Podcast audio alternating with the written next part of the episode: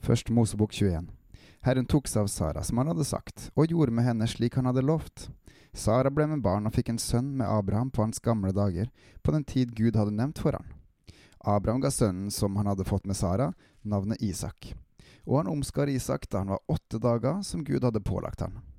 Abraham var hundre år gammel da han fikk sønnen Isak. Da sa Sara, Gud har laga det slik at jeg må le, og alle som hører det her, kommer til å le av meg. Og hun fortsatte, hvem skulle ha sagt til ham, Sara skal gi småbarn bryst, og så har jeg født ham, en sønn på hans gamle dager. Velkommen til Gud i sentrum, og meg Håkon Winnem, hvor vi i dag skal snakke om Isak, den litt usynlige eh, sønnen av Abraham og faren til Jakob.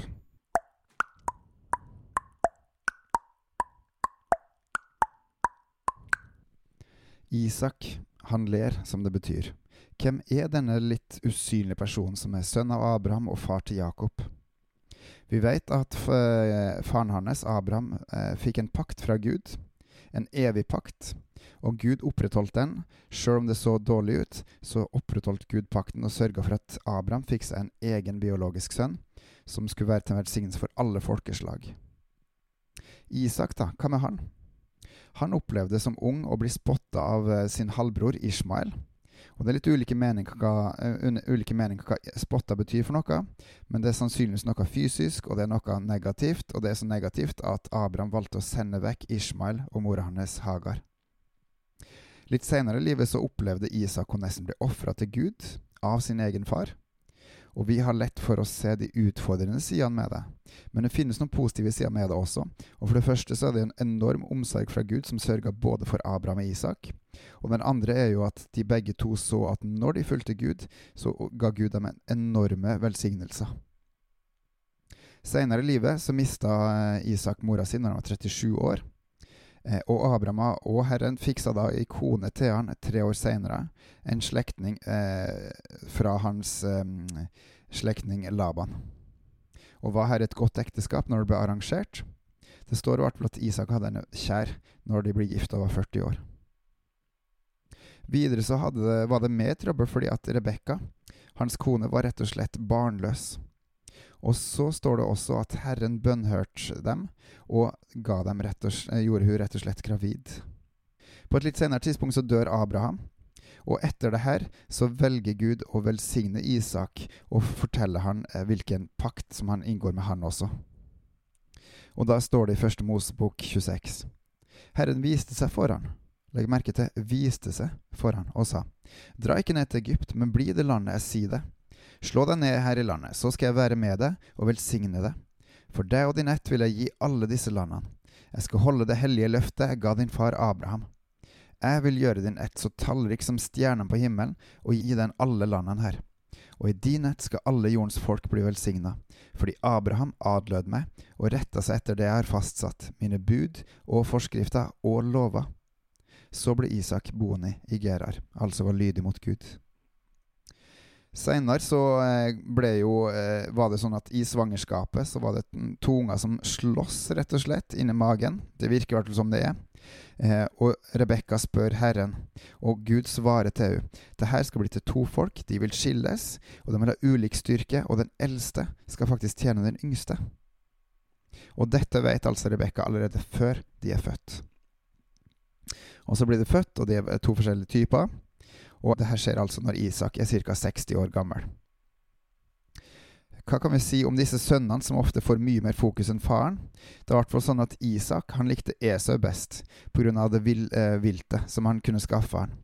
Mens Rebekka hun likte best Jakob. Og videre så er det sånn at eh, Jakob, han yngste sønnen, ved hjelp av mora si, Rebekka, stjal velsignelsen fra storebror sin, den som Isak hadde lyst til å gi til Esau. Og Esau legger mm, Jakob for hat og vil hevne seg.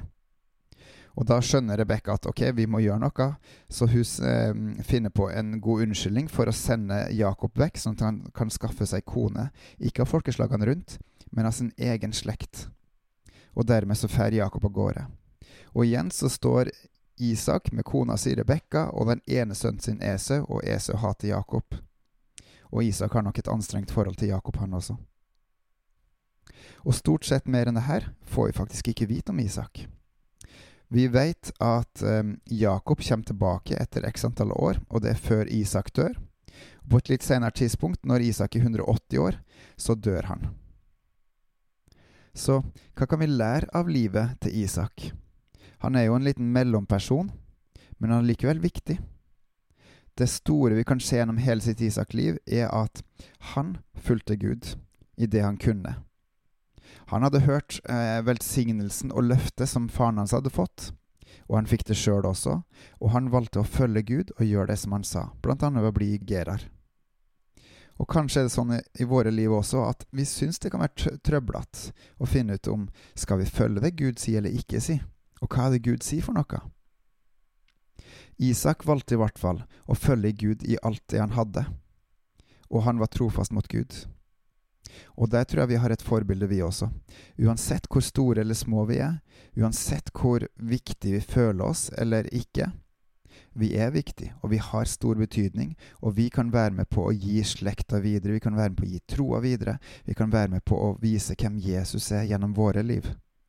Og vi kan være like trofaste som Isak og stå fast med Gud, og følge Han og gjøre alt det vi kan for å følge det Han sier. Så noen ganger må kanskje vi også le fordi vi ser de store ting som Gud gjør.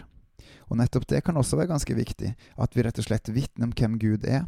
I det stille, i det skjulte, i det åpne. Men at vi i hvert fall gir videre, og at vi holder oss nær til Gud, og hjelper andre også til å vokse med Han. Da er vi et godt vitne, og da er vi med på å bringe pakten, Nytestementet-pakten, videre for våre folk som er rundt oss, både familie og venner. Derfor, be, elsk, les i Bibelen, lytt til Den hellige ånd, og sammenvoks med hverandre, sånn at vi kan være med på å gjøre til at Guds rike vokser. Til Guds pris og ære. Amen.